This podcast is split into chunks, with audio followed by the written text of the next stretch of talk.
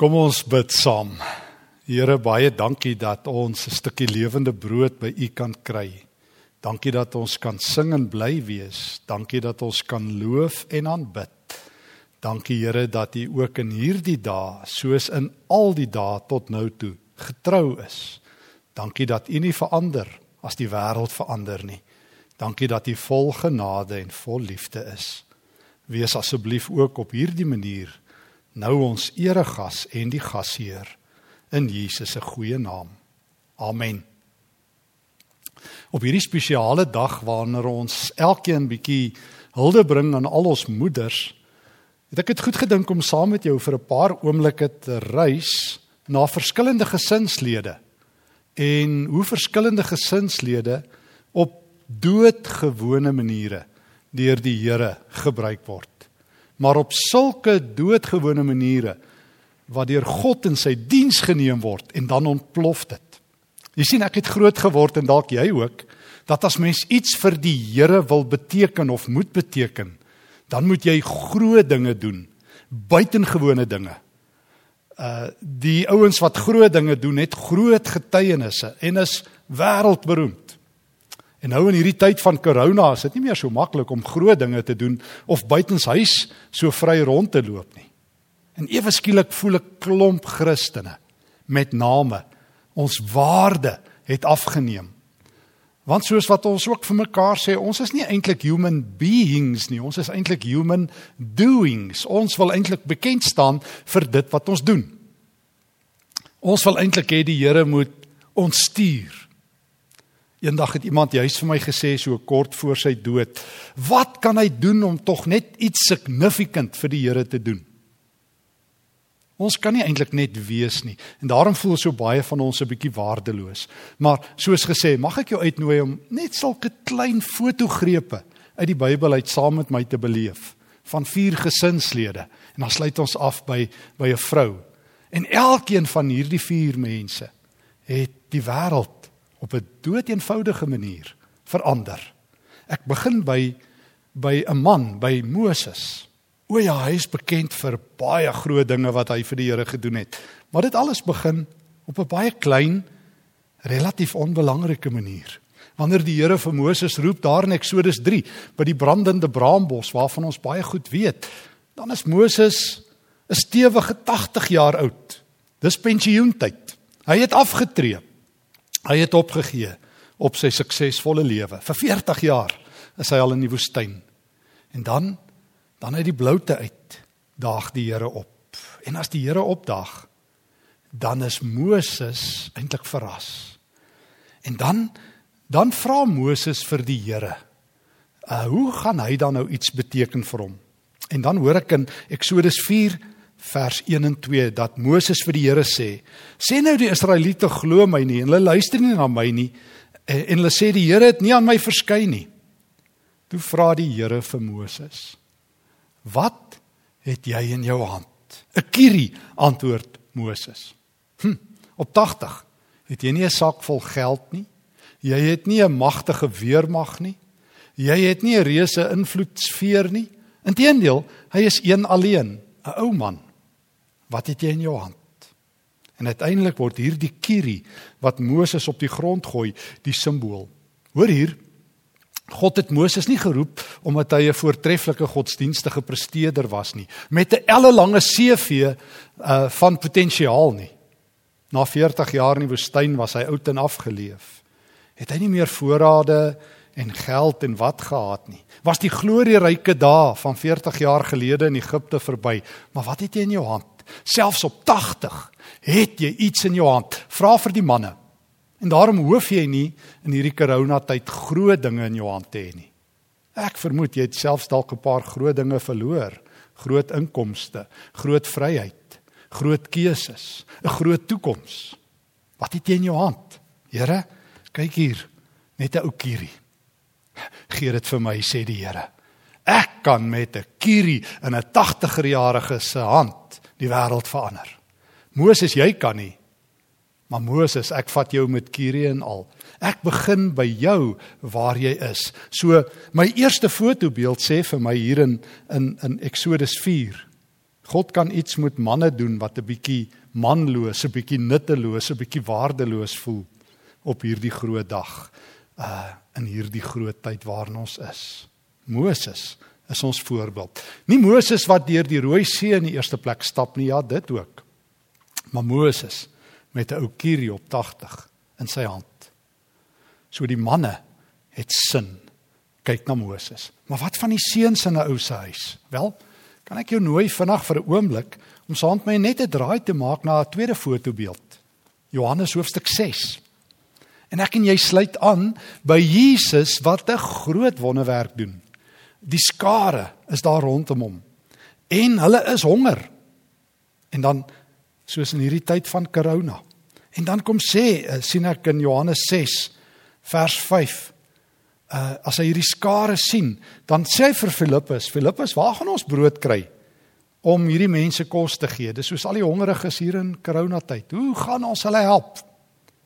Die Here het hom op die proef gestel, lees ek in vers 6. En dan antwoord Filippus so iets wat sarkasties: "Here, 200 mense se dagloon is nie eens genoeg om hulle 'n stukkie brood te laat kry nie." Dis so amper asof hy vir Jesus wil sê: "Regtig? U wil hê ons moet vir 5000 plus mans alleen kos gee? Lyk ons soos miljonêers? Dink jy ons kan Suid-Afrika se probleme uitsorteer? Dink jy ons kan vir die armes kos gee in hierdie tyd? Kyk hoe korrup is die ouens en daai ouens in die regering. Ehm um, en dan ons sarkastiese antwoord: Here, ons is in lockdown. Wat kan ek vir u doen? Ek het my werk verloor, my geld verloor, my hoop verloor, my toekoms verloor. En u wil hê ek moet aanmeld en dan sê Jesus ehm um, nou nou is daar nie net iets wat jy kan doen nie en dan kom Andreas vers 8 die broer van Simon Petrus en hy sê Here hier is daar 'n masientjie met 5 garsbrode en 2 visse hm. Mag ek so tussen ons twee sê ek dink hy bedoel dit sarkasties hy sê ja, ag Here maar maar u ons het nie 200 denarii nie maar Here ons het daarom 5 broodjies en 2 visse deal with that maar u weet mos dis nie genoeg nie sarkasties dink ek. Dis nie 'n vroom aanbod aan Jesus nie. En wie se kos dink jy is dit? Hierdie 5 broodjies en 2 visse. O verseker is dit die disippels se kos, die 12 disippels in Jesus. Here, ons het daarom ons dagloon. Hoe sal jy daaroor voel as ons die kos uit ons monde vat en vir hulle gee? En dan kyk Jesus na hierdie ou seentjie. Die seentjie met die 5 broodjies en die 2 visse en hy sê: "Gee dit vir Jesus." Moses het 'n kierie. Hierdie ou klein seentjie. Hy kom so, hy het waarskynlik so vir sy vir sy vir sy pa of vir sy oom gesê, is dalk een van die disippels se kinders, hy dalk so in die oom se kleed getrek en gesê: "Pa, oom, ek het gehoor ons Here Jesus soek kos vir die baie mense. Kan ek nie dalk net my my paar broodjies wat ek vir oom hulle oppas gee nie?" En toe sê Jesus: "Bring dit vir my." Jesus sien die geloof van 'n kind en in een oomblik gebruik Jesus, aktiveer Jesus die geloof van 'n kind. So 'n man selfs op 80 het 'n kierie waarmee God iets kan doen. 'n Klein seentjie op 5 of 6 het 'n paar stukkies brood in sy hand. Jy kan self nie daarmee iets doen nie. Gee dit vir die Here. Gee jou ou kierie vir die Here. Gee jou paar broodjies en visse vir die Here. Hy kan duisende kos gee. Ek weet nie hoe nie. Maar op hierdie dag op hierdie dag het ons die Here se woord luister en hierdie oomblikke het ons elkeen iets om te gee. Dit hoef nie indrukwekkend te wees nie, dit hoef nie groot te wees nie, van 'n kierie tot 'n paar stukkies brood. Deel wat jy het. So ek hoor daar's vir manne doel in die lewe. Ek hoor daar's vir seuns en jong mense doel in die lewe. Kom ons sluit by 'n jong, jong meisie aan. Uh as ons derde gesinslid vir wie die Here ook 'n doel het. En ek nooi jou na 2 Konings hoofstuk 5. 2 Konings hoofstuk 5. Ons hoor net een keer van hierdie jong meisie. Sy sê ook net een sinnetjie. O, die groot manne is op die toneel. Naaman, die leeroowerste van die Arameërs, die generaal, die hoof van die leer uh van die Arameërs word melaats. En die nuus breek dat hy melaats is en en almal het geweet die oomblik as jy melaats word, moet jy pad gee uit die samelewing. Dis die einde van jou lewe. Dan gaan bly jy eenkant. Maar hoor nou, hoor nou. Ek lees in 2 Konings 5 vers 2 op een van hulle strooptogte het die Arameërs 'n jong dogtertjie uit Israel ontvoer wat Naaman se vrou se bediende geword het. Hierdie lewensbelangrike opmerking, 'n jong dogtertjie, skaars 10 of 11 jaar oud waarskynlik. In die huis van die supergeneraal, die hoof van die weermag, die militêre man. En die nuus kom by haar uit terwyl sy daar skottelgoed was en vloere was as die slavin, die bediende. En dan sê sy haar een sinnetjie, kan ek dit vir jou lees, vers 3 van 2 Konings 5. Ag, as meneer net by die profeet in Samaria kan uitkom, dan sal hy vir meneer van sy melaatsheid gesond maak. Sy word die padwyser. Sy sê vir die generaal se vrou, mevrou, daar in Israel, daar in my tuisland, is die profeet Elisa, die man van die Here. Mevrou, ek kan niks doen nie. O, maar as die generaal na die man van God toe gaan, gaan die wêreld verander. Moses het 'n ou kierie. Wat kan ek met 'n kierie doen, Here? Die Here sê gee dit vir my. Daai jong seentjie in Johannes 6, wat het hy? 5 broodjies en 2 visse en daar is 'n ter duisende hongeriges. Jesus sê gee dit vir my. Die groot generaal van die hoof van die leer van die Arameërs is siek. En die Here sê vir hierdie ou jong dogtertjie, kan ek een keer op jou knoppie druk? Nee, jy hoef nie die wêreld te verander nie. Nee, jy hoef nie ehm um, die grootste sendeling van alle tye te word nie. Kan nie vir my een sinnetjie sê. Kan ek jou vertrou met 'n one-liner wat selfs op Twitter kan inpas, op sosiale media? Gaan asseblief Israel toe. Die man van die Here wag. En die generaal luister. Hoekom? Want hierdie jong meisie se lewe het 'n storie vertel wat gemaak het dat die een keer toe sy haar mondjie moes oopmaak en oor die Here moes praat, toe luister selfs 'n generaal. Sy het karakter gehad as 'n jong kind. En dis wat jong meisies ook leer in hierdie tyd. Jong seuns het iets in hulle hand. Vra vir daai ouetjie in Jesus se teenwoordigheid. Vra vir hierdie jong dogtertjie. Al sit ons by die huis. Al ons pappa en mamma partykeer 'n bietjie aan die raas met ons omdat ons nie um, onsself besig genoeg hou nie. Hoor mooi die Here se woord. Jy het betekenis. Jy hoef nie eers groot te wees voordat die Here jou kan gebruik nie. Die Here gebruik kinders. Hy gebruik 'n klein seentjie met 'n paar visse en 'n broodjie of twee. Hy gebruik 'n jong dogtertjie, haar een lyn woorde. Nou wil ek vir jou vra, jy wat 'n kind is, wat kan jy nie vir die Here doen nie? Jy sê nie baie nie, jy's verkeerd, jy hoef nie baie te doen nie. Doen net wat jy kan. Bid vir 'n maatjie by die skool. Stuur 'n teks. Jy het mos daarom nou so 'n bietjie data op jou selfoon of op pappa se. Gebruik dit en bid vir 'n maatjie. Stuur vir jou juffrou 'n boodskap dat jy vir haar bid of 'n oupa en ouma.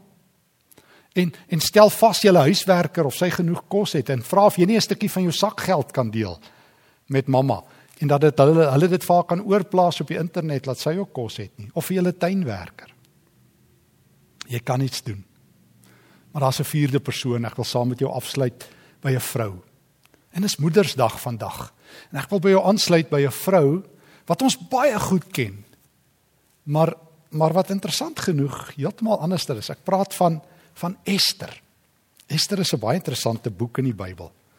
Ester is hierdie boek wat afspeel uh in die tyd van so 486 voor Christus tot 465 voor Christus. Ons kan dit baie akkuraat dateer want koning Ahasveros of soos hy bekend gestaan het in Persiese annale Xerxes die 1ste het toe geregeer 486 tot 465 voor Christus in die Persiese vestingstad Susan.